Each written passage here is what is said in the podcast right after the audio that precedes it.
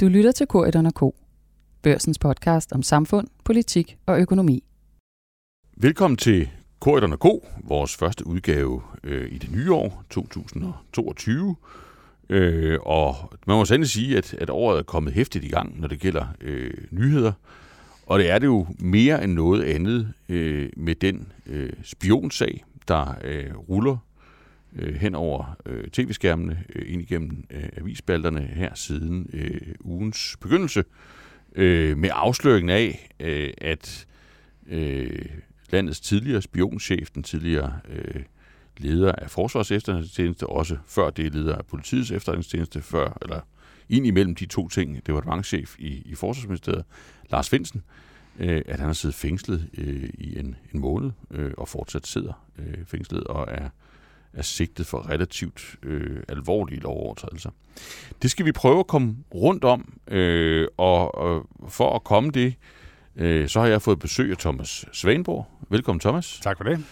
Og det kunne ikke, øh, jeg kunne ikke have ønsket mig en bedre gæst, øh, fordi Thomas Svanborg øh, er øh, gravjournalist øh, her på børsen. Øh, en af landets øh, mest erfarne øh, gravejournalister, en af dem med den største spade, øh, i hvert fald hvis man, hvis man spørger mig, fortid på på Danmarks Radio, det hele taget en lang øh, fortid, øh, gravet nogle af de, af de store skandalesager øh, øh, i, i Danmark ud. Øh, for eksempel hele sagskomplekset omkring, øh, hvordan man snød den danske statskasse øh, for store beløb. Også skrevet bog om det.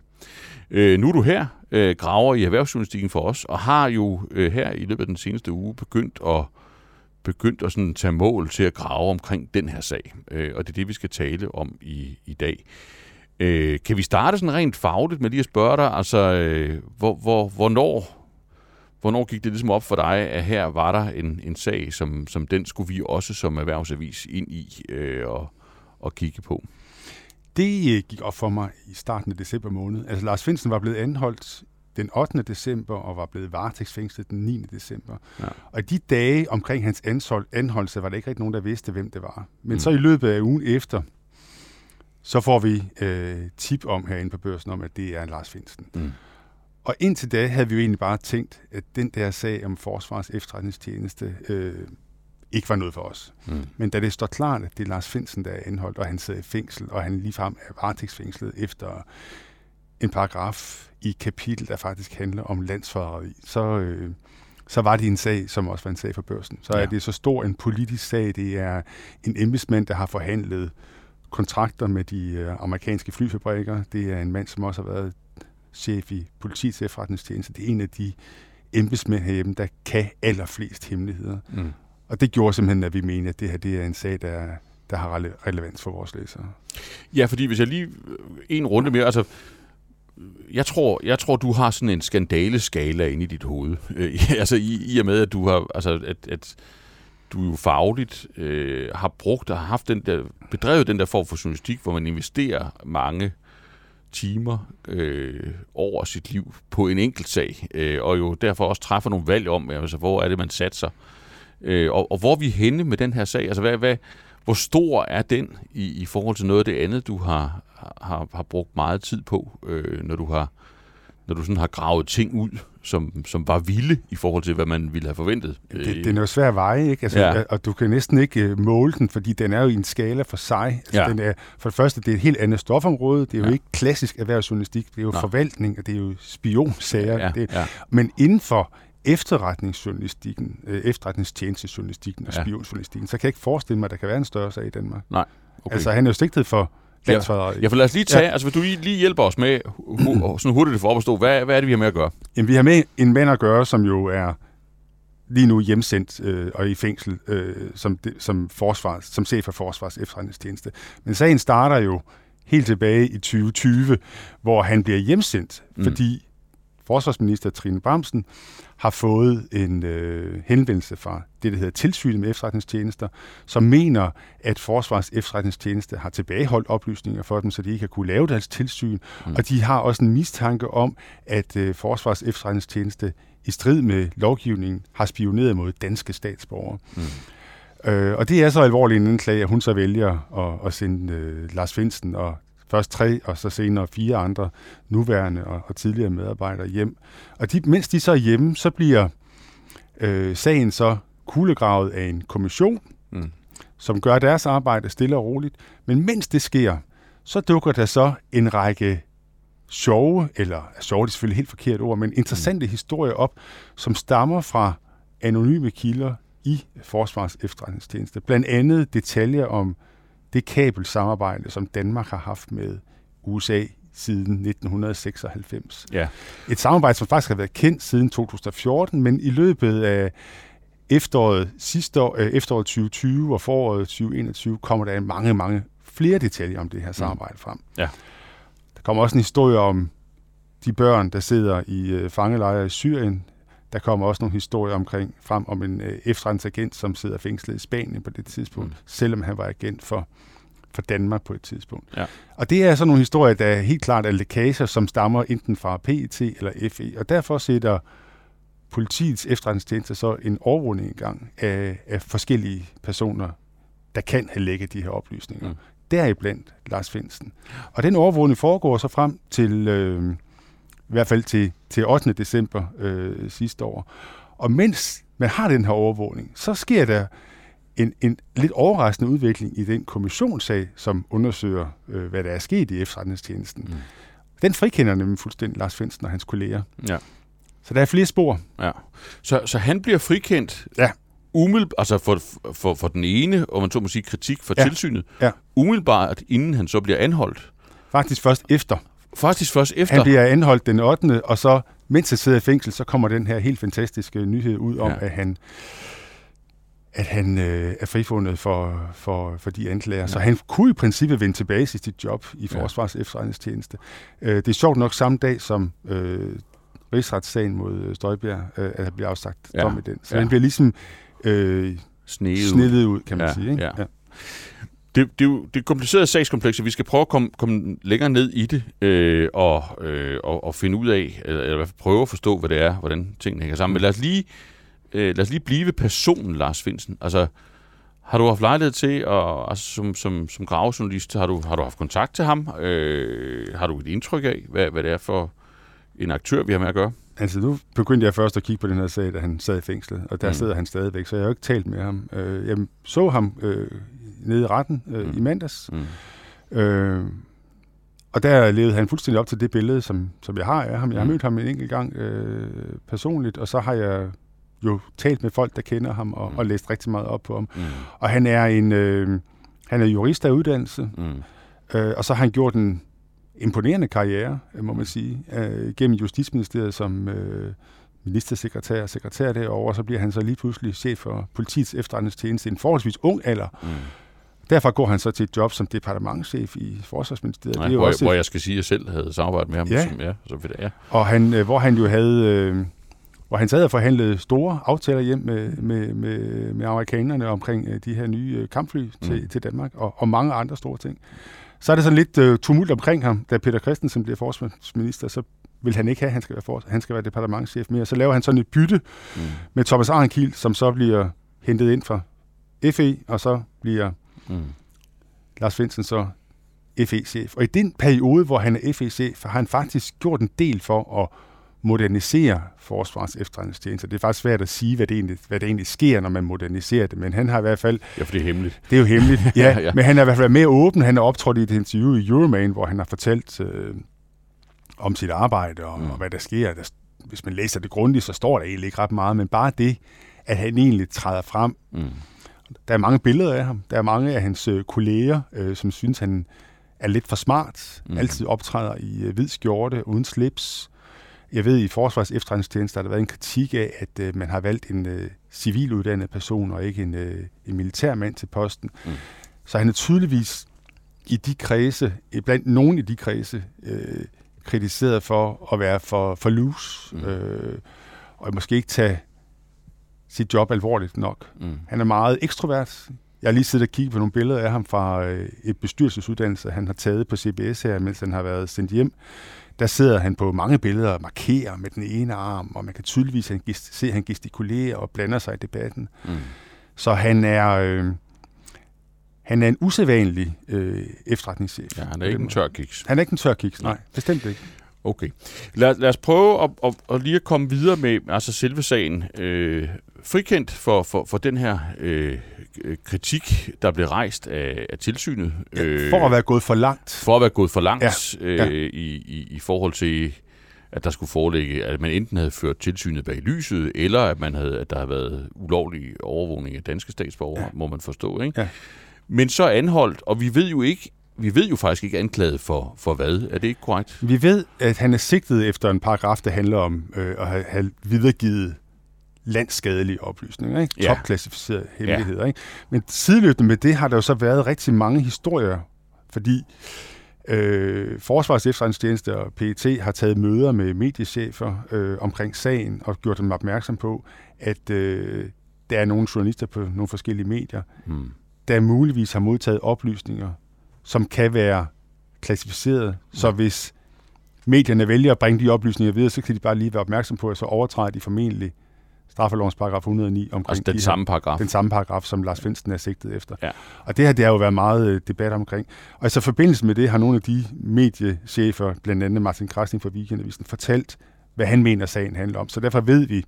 Ja, og hvad, han har, hvad han har talt med myndighederne om. Ja, hvad han har talt med myndighederne ja. om at få ja. at vide. Ikke? Og derfor ja. ved vi, at det handler om de her tre sager, altså ja. om kabelsamarbejde med NSA, sagen om den her øh, spion, øh, ja. som Danmark har brugt, som blev anholdt i Spanien, og, og så sagen om de her Syriens børn. Ja. Og så er det, du ligger to-to sammen og siger, at, det, at, at selvom at det ikke står sort på hvidt noget, noget sted hmm. fra, fra, fra, fra myndighederne eller domstolen øh, eller, eller anklagemyndighedens side, så er det sådan til vidshed grænsende sikkert, at det, han er anklaget for, det er at have lækket øh, oplysninger til pressen om en eller flere af de her sager. Ja, fordi efterfølgende har politiet så bedt om at få lov til at afhøre øh, mm. nogle af de journalister, ja. som har skrevet allermest om de her sager. Ja, ikke? Så ja. det er selvfølgelig fordi, de vil have at vide, øh, om de har deres oplysninger fra Lars Finsten, ja. eller nogle af de tre andre, der også har været, øh, der også er sigtet i sagen, ja. som ja. nu er på løb, fri fod. Ikke? Ja. Og det er jo selvfølgelig det, det, det der er deres hensigt, det er for det at vide. Ja. Ja. Hvis vi så ligesom prøver at hjælpe, altså det her er jo, der, der er jo det paradoks ved den her sag, at den er, at den er jo indiskutabelt vigtig. Altså den her, det handler om, om Danmarks sikkerhed, øh, der er jo også nogle, nogle vigtige demokratiske hensyn på, på spil. Altså, hvad, hvad må offentligheden vide, og hvad må den ikke vide? Pressefrihed, øh, blandt andet. Og på den anden side, jamen, så, er der jo, så er det jo et, et dunkelt terræn. Altså, det er, jo, det er jo ikke meget, man har lov til at sige med sikkerhed, fordi hvad ved man egentlig? Øh, man har jo ikke fået det, fået det oplyst. Og der, der tror jeg, at, at, at der vil mange jo sidde og sige, jamen vi har, vi har altså brug for at prøve at forstå alligevel, hvad der foregår. Øh, mm. Øh, med, med det forbehold, at, at vi måske ikke kan slå to streger under, under, under noget som helst. Så hvis du vil, hvis du vil prøve at, at, at hjælpe vores lytter med, med, med det, Thomas, så, så altså Finsen, det må vi vel forstå, han, han, øh, han lægger sig ikke ned. Altså, øh, Nej, Finsen han rejste sig jo op øh, ja. under det her grundlovsforhør forleden ja. dag, eller ikke grundlovsforhør, det her retsmøde, ja og sagde øh, på et tidspunkt, da mødet var slut, vendte sig mod pressen og sagde, I skal bare lige vide, jeg har ikke noget imod sigtelsen mod mig bliver kendt. Nej. Jeg mener, at den er forkert. Jeg er ikke ja. enig. Jeg er uskyldig, sagde han sådan set. Ja. Jeg synes, sagen er vanvittig. Ja. Allerede der kom vi i pressekorpset i et forfærdeligt dilemma, fordi vi sad og vidste, at den her sag var foregået bag lukkede døre, eller foregik bag lukkede døre. Og Lars Finsen siger lige pludselig noget, uden at være blevet spurgt af en dommer, ja. henvendt til os, måtte vi offentliggøre den oplysning. Ja. Der sad vi og havde nogle diskussioner om det. Ja, kollegialt. Kollegialt, ja. før vi gjorde det. Ja. Og øh, der var nogen, der gjorde det før andre og sådan ting. Ja. Øh, så blev vi til sidst enige om, at det kan vi godt. Ja. Så allerede der var vi egentlig inde i, ja. oplevede en del af det dilemma, der ja. er. Ikke? Fordi, ja. Men jeg vælger trods alt at tro, at det, de helt centrale anklager mod Lars Finsen, det handler om det her samarbejde med ja. NSA, om det ja. her kabel. Ja. Og, og, og hvis vi så tager, altså lad, lad os så prøve at dele det op i to bunker, altså dels det, det, vi, det, det vi tror, han er anklaget for, og det der, det der måske synes at forlyde om, som, som taler for hans skyld, om man så må sige, ikke? Og, og, og måske bagefter at vende den om, og, og så prøve at forstå, hvor, hvorfor han kan, han kan bruge udtrykket vanvittig. Mm. Øh, altså, hvad, hvad, hvad er det, der tror vi, på baggrund af, hvad der, hvad der er gravet frem, også dine kolleger på andre medier, hvad er det, vi, vi tror, der gør, at han nu to, tre gange er blevet, ja, hans varetægtsfængsling er blevet øh, for, forlænget, og at han, og han er sigtet efter så alvorlig en paragraf. Altså, hvad er det, der kunne pege på, at, at nogen mener, at det kan de at det kan de faktisk bevise. Ja, altså, den er blevet forlænget to gange, Ja. og, øh, og hvad hedder det, det er især Berlinske, øh, tror jeg, der har bragt nogle oplysninger, som man i, øh, i efterretningstjenesterne er blevet pikeret over, og som man mener kan stamme fra ham. Ja. Og så vidt vi ved, så er de faktisk først startet med at overvåge ham, efter at en af de helt store artikler i Berlingeren blev offentliggjort. Og det, Og var det- i september 2020. Og det vil også sige, også efter han er hjemsendt. Altså det, det, Ja, det har været mindst han har været hjemsendt, ja. at man har startet overvågningen. Okay, ikke? Og ja. der tror vi egentlig, at altså, derfor kan jeg selvfølgelig godt være i tvivl om, hvordan de har foregået det, hvordan de har overvåget ham, om de har aflyttet telefoner, om de har lavet rumaflytning, når han kørte bil, eller ja. holdt øje med ham, når han har mødtes med folk. Men altså, men det er jo nogle detaljer omkring, øh, omkring, altså, omkring, der er for eksempel detaljer om, at øh, den amerikanske efterretningstjeneste på et tidspunkt har, har undskyldt over for Danmark, mm, at man har øh, brugt kabelsamarbejde til at spionere mod en dansk virksomhed, eller, Ja. ja. har, eller har foreslået, at man skulle spionere mod en dansk virksomhed. mm. Det kan godt være, at det er sådan en, en oplysning, som NSA er ked af Mm. at komme ud. Og hvad, hvad med hele historien øh, om, hvordan det her kabelsamarbejde egentlig øh, er øh, altså skruet sammen, hvem der har godkendt det, og, og så videre, så videre. Altså, er, er Det, det er jo enormt spændende, fordi Ja. det er jo en aftale, altså nu ved vi det jo, fordi vi har læst øh, de her avisartikler, men det er jo en, efterfølgende har Claus Hjort Frederiksen for eksempel været ude og som, forklare, som tidligere som forsvarsminister. tidligere forsvarsminister bekræfte oplysninger om, at det var en aftale, som Bill Clinton kom til Danmark og lavede med Poul Nyrup helt tilbage i 96. Og, øh, det fremgår også af artiklerne, at, at den her aftale har ligget i pengeskab, og den bliver vist til alle forsvarsminister, når de øh, tiltræder som forsvarsminister og sådan ting. Spørgsmålet er selvfølgelig bare, om det er en landskadelig oplysning at offentliggøre, fordi da Snowden bliver afsløret eller går til medierne i, i 2013, der lægger han blandt andet et dokument, som information skriver på baggrund af i mm. 14. Og ifølge det dokument, der fremgår det, at Danmark har det her kabelsamarbejde med Mm. NSA. Ja. Og så kan man selvfølgelig sige, så har det jo allerede været ude. Ja. Og jeg tror også, det er noget af det, Lars, Døst, Lars Finsen måske kan støtte sig til, hvis han skal forsvare sig. Ja. Det er jo, at jamen, jeg har bare bekræftet oplysninger, som journalisterne havde i forvejen. Ja. Det er noget af det, Jakob Scharf faktisk blev frifundet for, da han blev anklaget for at bruge sin tavshedspligt som chef i PET. Ja, Ja. okay. Men, men hvis vi, lad, lad os komme tilbage til Ja. forsvaret, men hvis vi, hvis, vi, hvis vi bliver ved den formodet anklage, så, så, så kan vi med en, synes vi selv, temmelig høj sandsynlighed sige, det handler om, at man efter overvågning, aflytning, hvilken form det end må have, øh, have haft, så har man efter hans hjemsendelse, efter de her øh, artikler er, begyndt at poppe op i, i dagspressen, så har man kunne finde en, en form for bevis for, at han har øh, til danske journalister lægget de her oplysninger. Ja. Det, det, det, er, det er sagens Ja. kerne, tror ja, vi. det tror vi. Ja. Ja. Godt. Så vender vi os, øh, så vender vi kanonen om. Og spørgsmål... Ja, Ja, nå, nej, nej, Jamen, du det, skal-. Jamen, det er super spændende, fordi... Øh, altså, der, hvor man jo, der er jo et kæmpe ansvar for journalisten, når man får en fortrolig oplysning. Ja. Og det var måske det, du ville til at videre til. Ja, nej, For- det er, jeg, jeg tror, vi skal komme tilbage til Nu, vil Ja. ja. nu, nu, nu har vi ligesom prøvet at være på, på, på, på, på anklagerens side. Hvad så med forsvaret? Når, når han stiller sig op, du så ham i øjnene, mm. antager jeg, øh, og siger til jer, det, er- det her det er jo vanvittigt. Mm. Øh, så, så siger han jo ikke rigtig mere, fordi han har jo ikke rigtig ordet. Nej. Men, men, men hvad tror du, der ligger bag et, et så voldsomt udtryk? Altså, hvad, hvad tror du, hans, hans forsvar vil gå ud på, hvis ellers vi kunne få lov at lytte med? Jamen, jeg tror, øh, at det vil, hans forsvar er den samme, som forsvarer Jakob Scharf, som jo blev dømt i byretten for at have lægget oplysninger fra sit arbejde som PET-chef, og som Ja. ja. senere blev frifundet af landsretten. Ja. Og noget af det, han blev frifundet på, det var jo, at han havde at de 27 ting, som man mente, han havde, ikke skulle have fortalt til offentligheden, det var jo ting, som var fremme i forvejen. Okay. Og øh, jeg tror helt sikkert, at øh, det vil være en... Hvis, hvis, altså jeg, jeg kan næsten ikke forestille mig, at PET har sørget for, at han er blevet anholdt, uden at de har et eller andet Nej, på ham. Nej. At han har talt med journalister. Det må de, det, Det må de kunne bevise. Det, det må, kan de bevise, ikke? Det må Ja. vi tage for givet. Ja.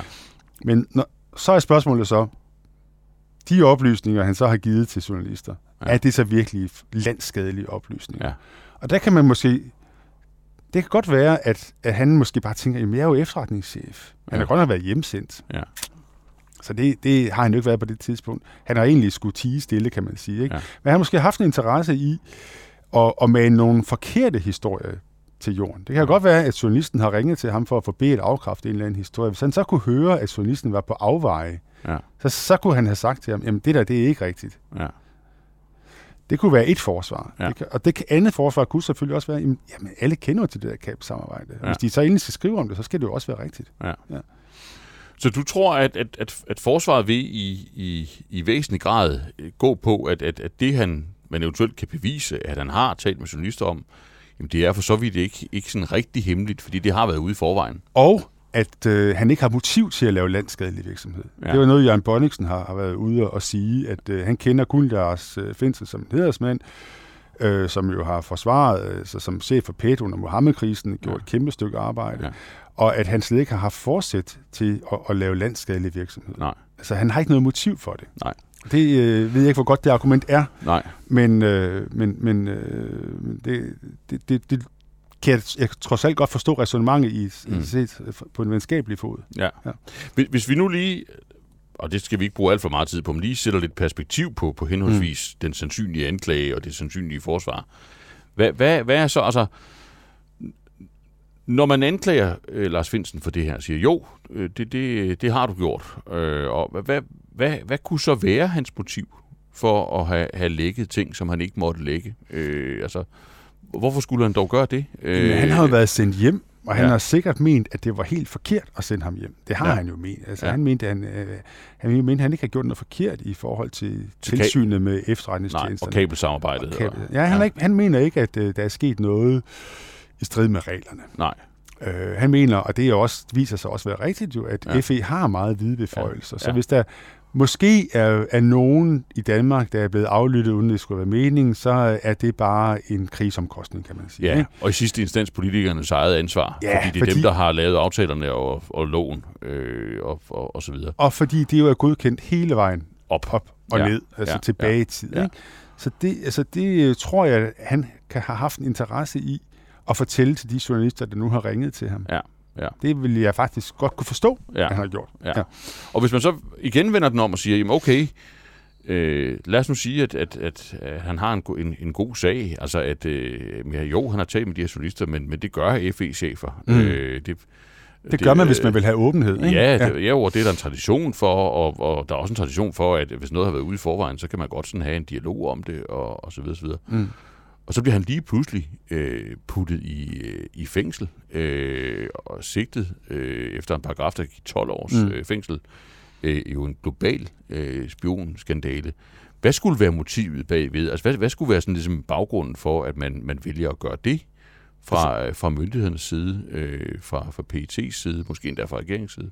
Jamen altså, hvis du ser det fra PET's side så, og, og FE's side, så har de jo været trætte af, at der er blevet lækket historier Ja. ja. fra den. Der er jo nogen, der simpelthen mener, at nu bliver det lækket for meget. Ja.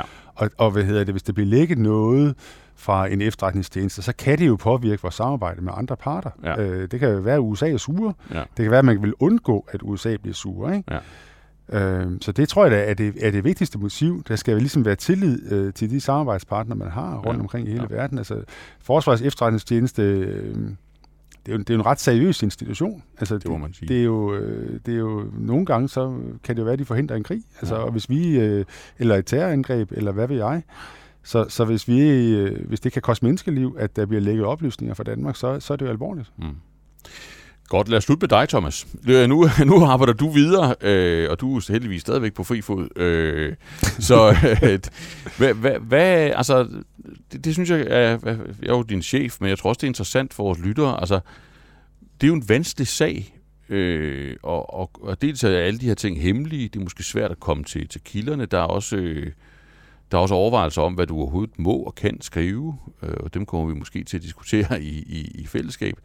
Kan du sige lidt sådan om, om din arbejdsplan, øh, og om nogle af de dilemmaer, eller, eller sådan øh, store, øh, hvad kan man sige, hypotesespørgsmål, du, du har på skrivebordet lige nu her afslutningsvis?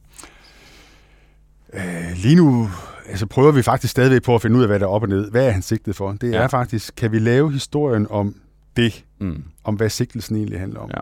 mere præcist. Ja. Øh, det kan vi godt, tror jeg, men spørgsmålet er, om vi så må offentliggøre det. Ja. Når det trods alt er en sag, der foregår bag dobbeltlukkede døre. Så, så det er faktisk det næste store, øh, vi skal have fundet ud af. Det er, hvordan vi gør det. Ja. Og så er det selvfølgelig øh, nogle udredende artikler, der venter. Hvad Ja. handler egentlig sagen om og sådan ting. Nogle detaljer. Men det er, hvad, hvad, hvad er præcis sigtelsen? Hvad går den ud på? Nu har jeg selv haft synspunkter her. Altså, jeg, jeg har været, det kan jeg godt sige åbent, øh, nervøs for, at netop fordi det hele er så hemmeligt, mm. Og fordi der jo er så store interesser på spil, altså mm. på, for Finsen jo hans frihed, øh, for, for, for nogle af de, de involverede politikere, altså hvis ikke, hvis ikke han er skyldig og, og, og så videre, så har de jo et problem, om man så må sige, ikke? Så, så hvor nervøs er du for at blive bundet noget på ærmet, altså for i virkeligheden at blive brugt øh, af, af nogle af sagens aktører, hvor du sådan får en, du får en, en, en hemmelighed her, og en, en, en, en, en halv sandhed der, og, og, og du kan ikke se hele billedet. Det er sådan set ikke mere nervøs for, end jeg er så mange andre sager. Nej. Altså, nu er det selvfølgelig ikke, du kan sige, det er forholdsvis nyt at arbejde med efterretningstjenesten, men det er jo bare noget, det er jo grundvilkår, ja. øh, når man arbejder. Så der skal man jo bare øh, have is i maven og, og være opmærksom på, at hvis du får noget et sted fra, så er der helt sikkert en, der står et andet sted og siger noget helt andet. Ja. Så derfor arbejder vi stadigvæk ud fra de samme principper, at hvis vi for eksempel har en anonym kilde, så skal vi have to ja. øh, uafhængige af hinanden anonyme kilder, der siger det samme, eller ja. bekræfter de samme oplysninger. Ja. Så, øh, så på den måde er øh, det egentlig ikke så svært at arbejde med. Det svære er bare, at der ikke er ret mange øh, kilder, mm. øh, der har de her oplysninger, ja. som vi gerne vil have. Ja. Det, det, det siger en, der har gjort det rigtig mange gange, tror jeg. øh, tusind tak, Thomas Svendborg. Det glæder jeg mig til at både læse og bestemt også at, at arbejde sammen med dig om i, i de kommende uger og måneder. Tusind tak. Så skal vi videre med en, øh, en politisk historie, øh, og, og politisk med stort P, vil jeg sige, fordi det, det handler virkelig om, øh, om, om det politiske magtspil, det politiske skakspil, øh, om, øh, om hvem der har og tager magten i forhold til den af hinanden. Vi fik en, en ny melding fra det radikale venstres øh, leder, øh, Sofie Karsten øh, Nielsen, øh, som blev taget ned i, i alle medier øh, som noget, der måske ændrer det politiske spil. Men hvorvidt og hvordan det ændrer det politiske spil, det skal vi prøve at blive klogere på ved at tale med vores politiske kommentator Held Ip og vores øh, korrespondent på Christiansborg, øh, Jesper Vass. Velkommen til jer to. Tak. Ja, tak. Øhm, skulle vi ikke prøve at starte med øh, lige at få på plads, øh, hvad, der, øh, hvad der skete? Altså, øh, Sofie Carsten Nielsen gav et interview til, til Politiken. Det gjorde hun faktisk, øh, eller det udkom øh, næsten sammenfaldet med, at du, Jesper Vass, havde en større analyse om det her forhold mellem de radikale øh, og, og regeringen. Og hvorfor, altså, hvorfor var det anderledes end de jo nærmest utallige gange, øh, både Sofie Karsten, før hende Morten Østergaard, indimellem øh, Martin Lidegaard, den næstkommanderende radikale, øh, hvor de har raslet med sablen og givet interview om, at nu, nu skulle det også være anderledes i den her relation mellem støtteparti og, og regering. Altså, hvor, hvorfor var det jo, hvor, hvorfor er der grund til, at vi sidder og laver podcast om lige den melding? Ja, men øh, det er et godt spørgsmål, og man kan jo også faktisk diskutere, om det overhovedet var en ny melding, men det var det jo. Hun gik et skridt videre, men det var jo i forlængelse af noget, hun har sagt tidligere. Hun har jo sagt, at regeringen er magtfuldkommen, at hun ikke kan se et parti regering fortsætte. Det var ikke lang, langtidsholdbart. Det har hun sagt adskillige gange. Mm. Hun har også adskillige gange åbnet for at pege på en anden statsminister efter valget, mm. en, en borgerlig blok. Men hun gik jo netop skridtet videre, og det var jo ikke nogen hemmelighed for os, der befinder os omkring Christiansborg, det var der, de radikale var på vej hen. Derfor kunne vi også godt skrive analysen, hvor, øh, hvorfor, hvorfor og hvordan. Mm. Men det, hun jo sagde til politikken, var, at nu udelukker hun efter valget at støtte Mette Frederiksens etparti-regering. Mm. Og det er jo et ekstra skridt af ned ad den ultimative vej, hvor man ligesom siger, nu lægger man kogepladen på, eller hånden på kogepladen og siger, det kan ikke fortsætte på den her måde. Mm. Og det udspringer jo af, at, at de radikale er dybt frustrerede øh, over mange ting. Mm. Størst af alt er jo nok, at de er blevet sat ud på et sidespor i forhold til øh, regeringsdeltagelse. Det, Mette Frederiksen annoncerede i 2018, at hun ville have en etpartiregering, der kunne samarbejde bredt og lave flertal med forskellige konstellationer i Folketinget, og det har vi set med Arne Pension, hun har gået sammen med DF og nogle af sine støttepartier, hun har lavet brede aftaler. Så det har jo været en sten i skoen på de radikale i de her snart fire år, og det har de radikale ikke kunne finde sig til rette i. Samtidig er de utilfredse med den førte politik, Mette Frederiksen hun har på, de mener, hun er for nølende på klimapolitikken, og øh, de mener, hun er magtfuldkommen øh, i forhold til mink. De, har, de er også kritiske i forhold til noget øh, på, på udlænding. Der er en lang række ting, hvor de har adresseret kritik og, og mm. kritiseret regeringen. Og nu gik de jo så bare det skridt videre og, og ligesom genåbnede spillet med en parlamentarisk melding, mm. der jo egentlig handler udelukkende om regeringstiltagelse, mm. selvom den jo selvfølgelig har elementer af, af politik bag sig. Men, ja. men ho- hovedsagen var jo, at nu parlamentarisk kan de ikke støtte, at Mette Frederiksens øh, etpartiregering Nej. fortsætter. Og Nej, fordi det er Helene, altså, hun, hun brugte netop, som Jesper Vass siger, ordet, at det er udelukket, at hun kan lægge øh, mandater til, at øh, en S-mindretalsregering fortsætter efter øh, næste valg. Så altså Jesper Vass lavede analysen, du lavede, øh, du, du lavede en, en, en kommentar øh, straks efter, og, og lagde, lagde den her melding op på kommentatorvægten, om man så må sige. Og du nåede også til den konklusion, at det her, det var markant anderledes end alle de trusler, vi har hørt indtil videre. Ja, det synes jeg. Jeg synes, man må sige, at point of no return, som man kalder point det, no er overskrevet. Øh, hun har, Sofia Carsten Nielsen, skåret det fuldstændig ud i pap, og det er ikke øh, sådan en øh, henkastet bemærkning. Det har været drøftet øh, længe i Folketingsgruppen, har været øh, under overvejelse, og også i det radikale bagland. Det er jo en markant melding, så den slynger man ikke bare lige ud en eftermiddag, øh, mm. hvor man bliver interviewet til et dagblad. Og øh, man skal også hæfte sig ved øh, to andre ting. Det ene er, at øh, hun også øh, garnerede interviewet med at sige, at øh, de radikale er godt klar over, at grundtrækkende i udlændingepolitikken, øh, at dem øh, kan man nok ikke øh, forandre, uanset om det er, er rød eller blå øh, blot hold, der vinder. Mm. Øhm, og endelig og det synes jeg også er enormt vigtigt at bemærke, fordi der er jo øh, fra tid til anden partier, der siger, at øh, nu kan vi ikke støtte, og nu vil vi ikke være parlamentarisk grundlag, og nu vil vi måske øh, være alternativet prøve en gang, indtil de fandt ud af, at sådan øh, spiller klaveret ikke trække vores mandater ud af ligningen.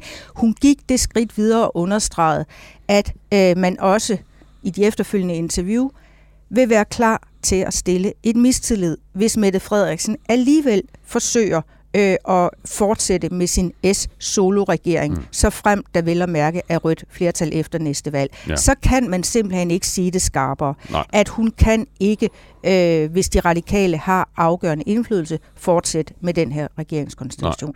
Så, så kan man sige, altså, at på mange måder, at det sådan er en, en fuld pakke. Altså, at man, øh, man har sagt, at det er udelukket. Dermed har man bundet sig selv til masten. Det vil være utroligt ydmygende for hende at, at, at, at gå baglæns på det. Man har sagt det i god tid, sådan at, øh, at vælgerne, øh, det kan godt være, at de ikke bryder sig om tanken. Nu er det i hvert fald tid til at vende sig til den. Man, man kan ikke sige, at hvis man har stemt radikalt, og de bagefter faktisk gør det her, jamen, så ved man da, hvad man har fået. Øh, hun har gjort sig klar til at kunne blive taget med i en regering, synes hun selv, fordi hun lægger sig ned på, på udlændingepolitikken. Så er det som den, er det sådan, og, og hun har klidet det af med sit eget parti, øh, Spagland. Er det sådan den, den fulde køreklare pakke til virkelig at spille højt spil med, med Mette Frederiksen? Er det det, vi ser her, Jesper Vass? Ja, vi kan, jo, vi kan jo vende tilbage til, hvor det ender i forhold til det høje spil. Ja, det skal vi nemlig, øh, det trykker vi på. Øh. men, men det er jo fuldstændig rigtigt. Hun har taget alle de skridt, der nu skal til, til at placere sig der og ligesom kunne presse sig i en regering. Mm. De faktorer, der så ikke er, er afstemt og ikke er klar endnu, og hvilket partiet også er godt klar over, det er jo, at den forståelse har man ikke i S, og man er heller ikke i en position, hvor man på nuværende tidspunkt har de klare alternativer til for eksempel at gå over midten, eller mm. lave en eller anden samlingsregering på midten. Så det er rigtigt, de radikale har nu taget de skridt, de kan tage. Mm. Men der mangler nogle udstående, både i forhold til Mette Frederiksen, og få overbevist hende om, at hun ikke har andre muligheder end at, at udvide sin regering med ja. de radikale, ja. eller at der er et blot øh, alternativ. Og de to øh, faktorer, som jo faktisk er lige så afgørende, som hvor de radikale placerer sig, øh, er der jo ikke styr på. Øh, og det er jo der, man så kommer ned i et spil, øh, vi kan tale om lidt senere. Men nogle af de radikale taler jo om, at det her er jo også et forsøg på at placere sig, øh, øh altså man bliver nødt til at lave pakken på forkant, og mm. placere sig og, og preppe sine vælgere og forberede vælgerne på, at det er det her, man vil. Og så må man jo så håbe, at de andre klodser i det her spil mm. også kommer til at placere sig rigtigt ja. til det men, i men, rette tid. Ja, det er super godt, du siger det, fordi det, det, lad os prøve øh, det, som, som, som sjældent bliver ført helt igennem øh, i, i, i mange artikler og, og samtaler om det her. Lad os prøve at kigge på, på, på slutspillet. Men lige før det, reaktionen. Altså, hvad, hvad, hvad sagde Mette Frederiksen til, til det her, Helib? Jamen, hun øh, blev øh, ret hurtigt på de radikales nytårsstævne, der altid bliver afholdt øh, i, i starten af det nye år, øh, stillet øh, det helt oplagte spørgsmål, jamen, øh, kan de radikale så komme med? Øh, hvad siger du til den her øh, markante melding? Øh, og der var svaret øh, fra statsministeren en afvisning, men vel at mærke en, i mine ører, øh, lidt halv afvisning, forstået mm. på den måde, at hun sagde, øh, Mette Frederiksen, at øh, hun vil gå til valg på at fortsætte den her etpartis regering. Mm. Øh, jeg hæfter mig ved, at øh, Mette Frederiksen ikke udelukkede, at, regeringen, at, at de radikale kommer med øh, i regeringen igen. Okay. Det kunne hun jo egentlig gøre, måske også øh, hvis hun øh, var blevet spurgt på en lidt anden måde. Ja, øh, det, det, det, har det, jo... det havde du gjort, hvis du havde været moderator. øh, ja, det vil jeg nok sige. Øh, hun, øh... det er Vi ønskede os nogle øh, meget lidt skarpere ja. spørgsmål. Det kan ja, godt ja, men det er en, en, afsløre en, her. En, en venlig hilsen til Troels Møllenberg, som, øh, som modererede den diskussion. Øh, det havde I gjort anderledes. Det var i hvert fald da Mette Frederiksen kom med meldingen i ja. 2018 om, at de radikale ikke skulle med i regering, ja. der var man igen, der var man slet ikke i tvivl om, at det var en søjle i Mette Frederiksens fulde fortælling om den forvandling af Socialdemokraterne, øh, Mette Frederiksen har stået i spidsen for, mens hun har været, for, været formand. Og man var slet ikke i tvivl om, at hun mente det, øh, og at øh, det, det næsten også ville være knald eller fald for hende selv. Det var mm. at lægge hovedet på blokken. Det parti kommer ikke med i regeringen. Det var meldingen i 18.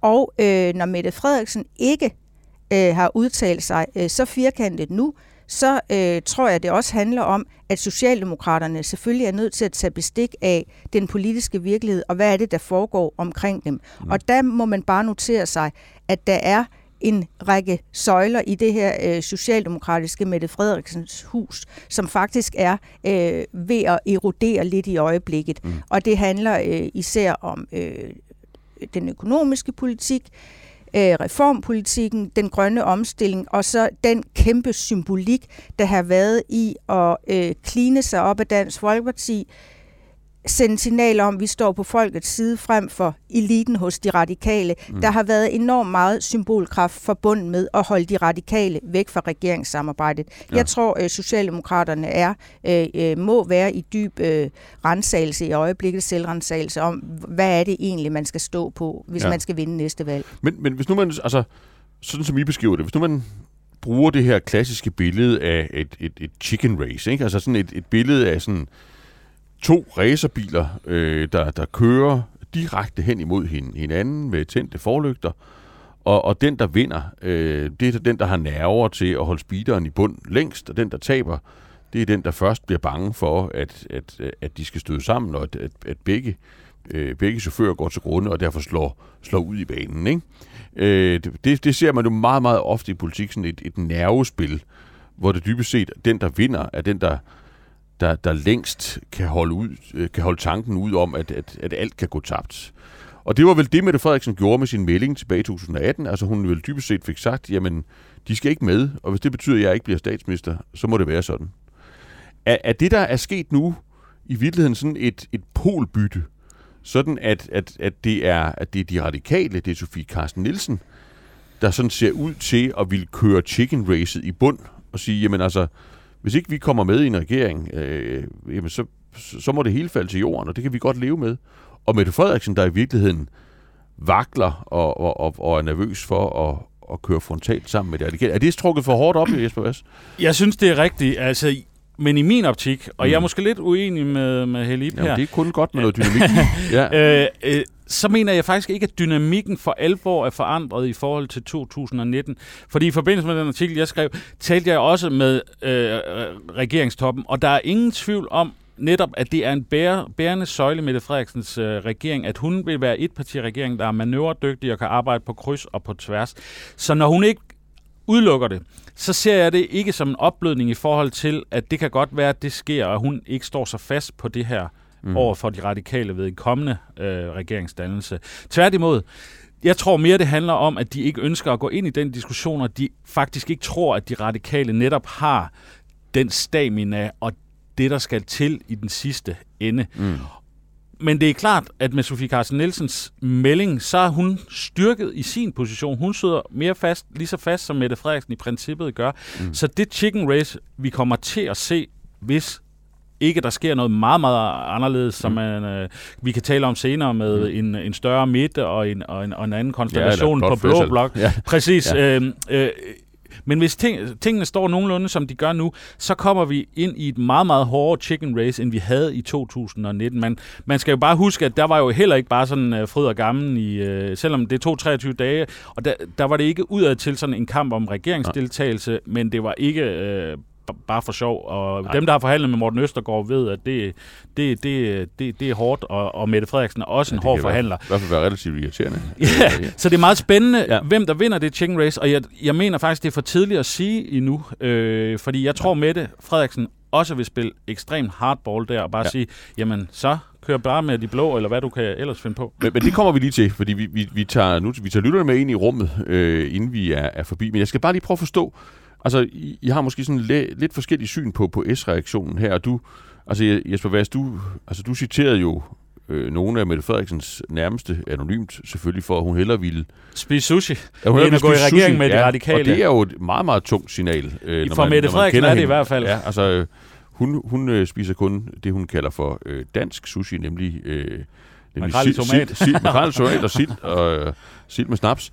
Øhm, så, men jeg skal bare forstå jeres vurdering af, altså, risikerer Socialdemokratiet ikke at få sat sig kommunikativt mellem to stole, hvor man på den ene side ikke, ikke udelukker med fast røst, at det her det kan ske, og på den anden side, så sender man ikke ud af munden på Mette Frederiksen, for hun siger ikke så meget, men, men på Twitter ved alle mulige andre aktører og så videre, stenhårde signal om, at det vil være en katastrofe, hvis de radikale trådte ind i en regering. Og dermed gør man jo Altså, man, man får ikke rigtig afvist, at det kunne ske, men man gør sådan set problemet større, hvis det skulle ske. Eller, eller hvordan opfatter I, I, I logikken i den kommunikation, man ser fra Socialdemokratiet? Er de simpelthen i tvivl?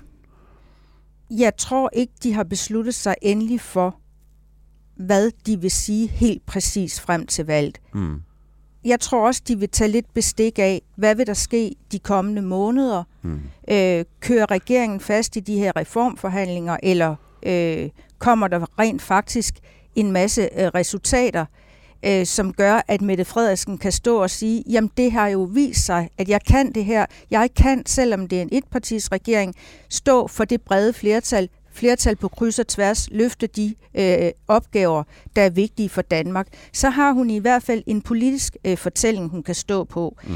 Jeg må også sige, som Jesper Vass, jeg er sådan set slet ikke i tvivl om, at, de, at Socialdemokraterne har intet oprigtigt ønske om at få de radikale med i regeringen igen.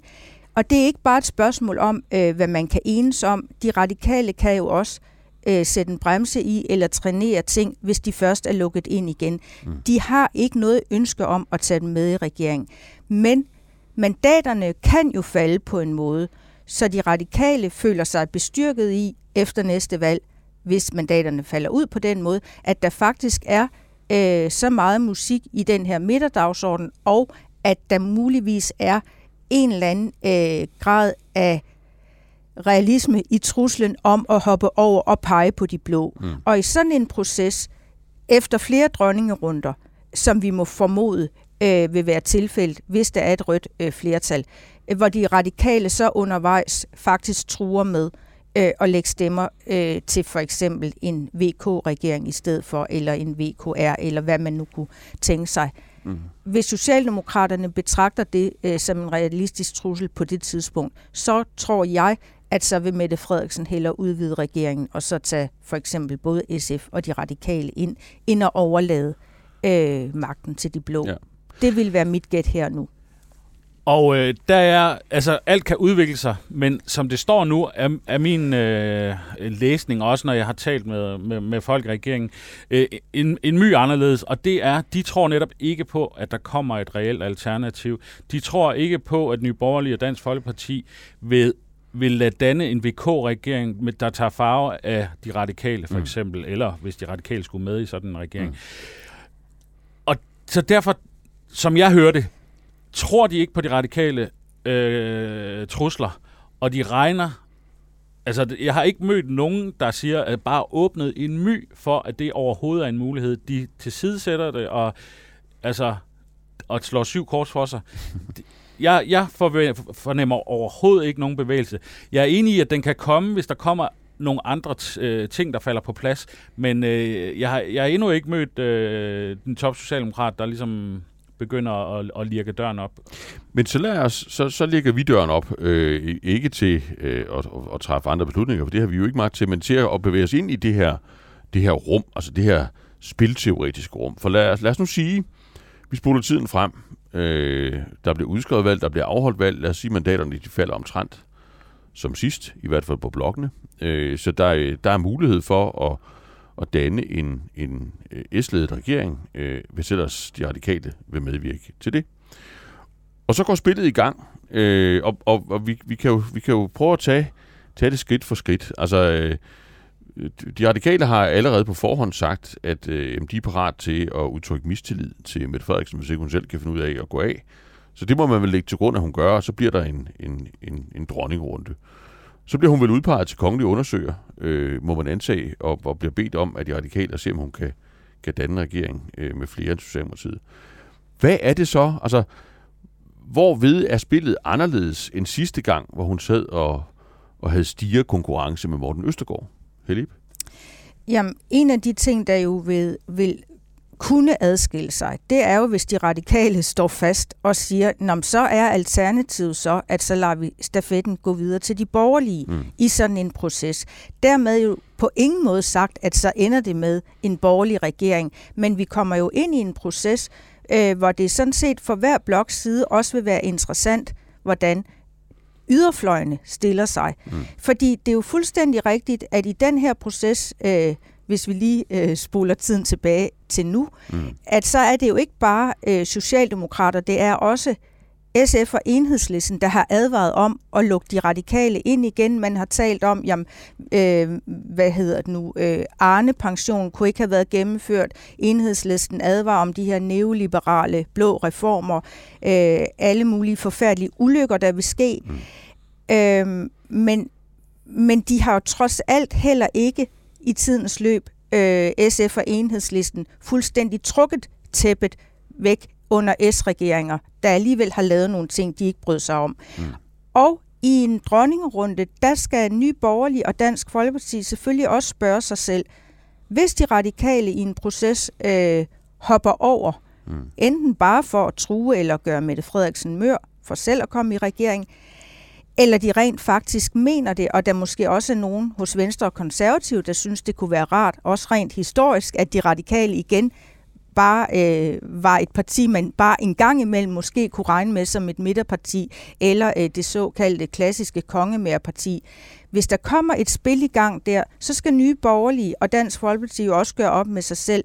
Jamen vil de to partier så faktisk hellere undgå, at der kommer en borgerlig regering igen, fordi de radikale mandater pludselig tæller med, og lad stafetten gå tilbage til Mette Frederiksen, som jo være, vil være en konsekvens i det her spil. Og sådan vil den altså kunne køre øh, lang tid øh, frem og tilbage, indtil der er nogen, der bliver møre. Så det, du peger på der, det, det er faktisk, at det ikke kun en stigerkonkurrence mellem Sofie Karsten Nielsen og Mette Frederiksen.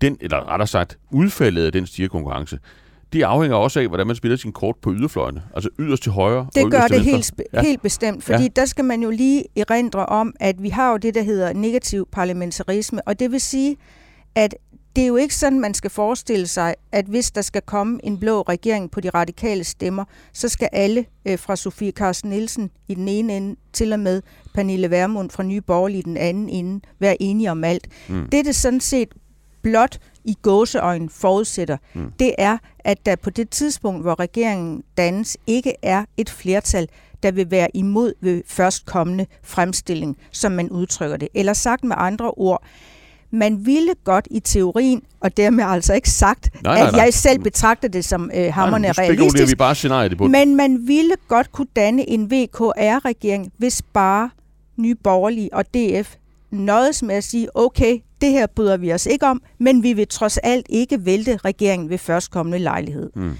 Det kunne være nok mm. til, øh, at øh, der bliver skabt sådan en regering.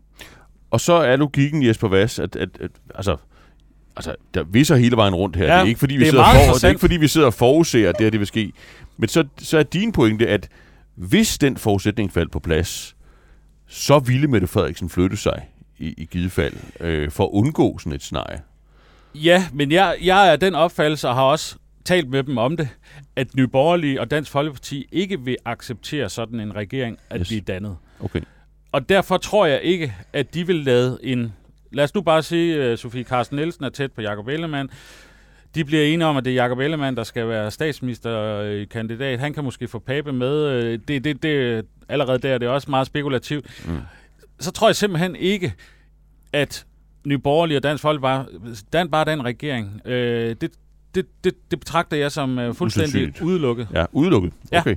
Og, det, og, og, og dermed, og så, og så betyder det jo så også, at hvis det var udelukket, så har Sofie Carsten Nielsen mindre at skyde med Netop. over for Mette Frederiksen. Er, er det sådan, man skal forstå dynamikken? Ja, men derfor skal man jo også forstå, at uanset hvem man taler med nu, om det er til baggrund, altså uden for referat, eller øh, partiledere, øh, ministre eller øh, fremtrædende politikere udtaler sig til citat i medierne, så er de jo også godt klar over, at det her spil kan gå i gang, og at det vil være farligt øh, tidligt i processen at, forvæ- at forære modparten nogle, nogle kort på hånden ved at sige, at det var også en mulighed, og det var også en mulighed. Så alle kører chicken race? Øh, ja, ja det, vil, Altså, altså, det, det vil faktisk være mit bud, men ja. man skal ikke tage fejl af, de øh, partier, der er ekstremt optaget af at få magten, de overvejer indimellem at gå ganske langt for at opnå den. Mm. Og jeg kan bare nævne, at øh, forud øh, for den øh, regering, du selv blev en del af mm. øh, i 2011, der var der faktisk øh, intense overvejelser i dele af Venstre om, hvis øh, der var rødt flertal, skulle man så egentlig ikke bare tilbyde øh, Margrethe Vestager, den daværende radikale leder, at blive statsminister mm. øh, på de radikales mandater med de perspektiver, der så lå i det. Ja. Det, det har jeg en levende erindring om. øhm, lad os så sige, altså bare en runde mere. Lad os så sige, at, at de sidder øh, her og forhandler, øh, og det er svært at etablere det her blå alternativ, som, som Jesper Vass siger. Øh, er hun så dømt til at tabe stigerkonkurrencen, Sofie Carsten Nielsen, eller, eller er der stadigvæk den mulighed, at hun bare bliver siddende? Øh, og, og altså, simpelthen bare trækker spillet i langdrag øh, og nægter Mette Frederiksen at danne en etparti-regering, indtil hun på et tidspunkt giver sig. Jeg vil sige, at jeg tror, det kommer meget an på, hvordan stemmerne falder ud. Fordi mm. hvis der er en midte, der ligesom kommer til at rykke på sig nu, øh, det kan også være med kristendemokraterne og Lykke, men de radikale selv får et hammerne godt valg. Så man kan sige, at der er altså en midte her, der har talt for noget andet. Mm. Talt for, at man skulle øh, frigøre sig fra yderfløjene. Så tror jeg, at Sofie Carsten Nielsen vil køre den helt ekstremt langt. Mm. Omvendt, hvis vi forestiller os et meget, meget snævert rødt flertal, og at de radikale har fået masser af tæsk ved valget, og selv står meget, meget svagt, men der dog alligevel er et spinkelt rødt flertal. Og man samtidig kan se under en dronningerunde, at der er ikke rigtig nogen muligheder i forhold til de blå, så kan det jo godt være, at de alligevel må ende med øh, at øh, se den kæmpe ydmygelse i øjnene og acceptere, at Mette Frederiksen øh, fortsætter som nu, uden øh, selv at komme øh, ombord. Så, så vælgerne er en del af, af, af chicken race, Jesper Vass. Det er helt klart. Øh, og lad mig vende, øh, vende tilbage til, hvordan de også øh, kan påvirke øh, det, som de radikale faktisk håber bliver en mulighed. For jeg, jeg, vil, jeg vil også gerne svare på det der, fordi når man taler med den radikale top, så siger de, så kører vi spillet fuldt i bund. Og det vil sige, hvis Mette Frederiksen hun ikke vil have os med i regeringen, og vi ikke kan lave med, noget med Blå Blok, så går vi bare i opposition. Så må Blå Blok lave en regering med sig selv. Mm. Og det er jo virkelig højt spil, fordi hvor meget vil det straffe øh, de radikale og Sofie Carsten Nielsen, at der bliver dannet en blå regering, der bygger på Nye Borgerlige og Dansk Folkeparti, på grund af en parlamentarisk manøvre? Så det, Men skal, det jeg, det, det, de skal, siger. det skal jeg lige have Ja. langsomt, det her. Fordi Ja. det, det, du hører til baggrund, og det er så ikke til citat, kan jeg forstå indtil videre, Nej, det er, at, at i den der situation, som vi har dr- drøftet, hvor, hvor de radikale, jamen, de kan ikke rigtig springe over midten, øh, de kan heller ikke rigtig flytte med det Frederiksen, jamen, så er deres øh, seriøse overvejelse, det er simpelthen at, at trække mandaterne ud af spillet, som Uffe Elbæk sagde i sin tid, og dermed de facto øh, gør det muligt at danne en, øh, en, en borgerlig regering. Det er det er flere øh, topkilder i det radikale siger til mig, og det er jo selvfølgelig, man kan jo godt tolke det ind i det her med, at de skal spille den fuld plade nu. De kan mm. ikke så og vakle allerede på forkant. Så det er den ultimative konsekvens, og det er simpelthen øh, konsekvensen af den melding, Sofie Carsten Nielsen kom med øh, i politikken, at de vil gå så langt. Og det er selvfølgelig for at lægge pres på regeringen, men inderst inden så håber de radikale jo netop på vælgerne, mm. og netop på, at der kommer et alternativ. Og det er ikke så meget det her med, øh, at man kan gå over til de blå partier øh, og så få Nye Borgerlige og, og Dansk Folkeparti til at acceptere en, en sådan regering. Det handler for, mere om, at der kommer en stærk midte mm. med moderaterne, med de radikale, måske med kristendemokraterne, der kan erstatte Nye Borgerlige og Dansk Folkeparti. Men der taler vi jo ret mange mandater, som målingerne er i dag. Mm. Men det er jo det drømmescenarie, de, de ligesom mest realistisk kan hænge deres hat på, og det er det, de drømmer om. Men når man taler med centrale ærkilder, så er de jo godt klar over, at det er ikke der, vi er endnu. Mm. Så de, de er godt klar over, at de ikke har alternativet for alvor. Mm. Men det er jo den proces, de så ligesom håber på at kunne skubbe lidt til nu. Ja. Men det er også klart, hvis man ser på det historisk, øh, sidste gang vi havde øh, en VKR, øh, gik det jo ikke forfærdeligt godt for nogle af de tre partier, øh, der så øh, dannede regering under Slytter. Øh, og de radikale har jo så også været meget øh, tæt, kørt tæt makkerskab øh, med Socialdemokraterne siden. Men dengang øh, i 88 øh, og Slytter, der skulle man jo også igennem, var det fire dronningerunder og 24 dages øh, langtrukne shoppen rundt. Og i øvrigt, øh, kan man sige til sammenligning, var det jo også et problem dengang for de radikale, at øh, Fremskridspartiets mandater talt med. Mm. Det var nogen, øh, de radikale selv havde udelukket og ville være afhængige af. Øh, og, og, og radikale fik så også tæsk øh, ved det efterfølgende valg. Mm. Så der, der er bestemt ikke nogen ekstrem øh, let vej eller option i det her. Men jeg må også sige, hvis det overhovedet skal give nogen som helst mening for de radikale og indimellem forsøge at bevare det der sker af midterparti, af dronningemager, kongemager, af et parti, der kan gå til hver side og virkelig oprigtigt ønsker øh, en kombination øh, af noget politik med udgangspunkt i midten, hvor der kan både være liberale, borgerlige øh, reformer, økonomisk politik øh, og øh, nogle mere værdipolitiske ting, der måske øh, ligger øh, mere øh, til rød blok, jamen så skal det jo også, så skal partiet også på et eller andet tidspunkt ture tage det sats mm. øh, og hoppe ud af blokken. For ellers så tror jeg bare, vi vil se øh, en øh, videreførsel af det, vi har set de seneste mange år, og det er, at de radikale er blevet en mere integreret del af Rød Blok, at det også gør deres egen manøvremuligheder sværere, fordi de også kan læse målinger, der viser, at øh, dem, der ikke vil stemme på de radikale, typisk så vil foretrække øh, Socialdemokraterne eller SF i stedet for. Mm. Det lyder som et, øh, et, et forholdsvis kompliceret spil, og også et spil, vi kommer til at høre meget mere til øh, ind mod et, øh, et folketingsvalg. Tusind tak for det, som har stillet skakbrækkerne op på, på brættet. Jesper Vass og Helib. Selv tak. Selv tak. Tak fordi du lyttede med på Korridor K. Vi håber, du lytter med næste gang. Og indtil da, så giv os gerne en anmeldelse i din podcastplayer.